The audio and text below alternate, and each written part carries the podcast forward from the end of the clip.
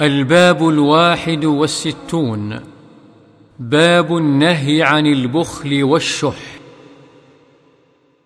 وعن جابر رضي الله عنه أن رسول الله صلى الله عليه وسلم قال اتقوا الظلم فإن الظلم ظلمات يوم القيامة واتقوا الشح. فإن الشح أهلك من كان قبلكم حملهم على أن سفكوا دماءهم واستحلوا محارمهم. رواه مسلم.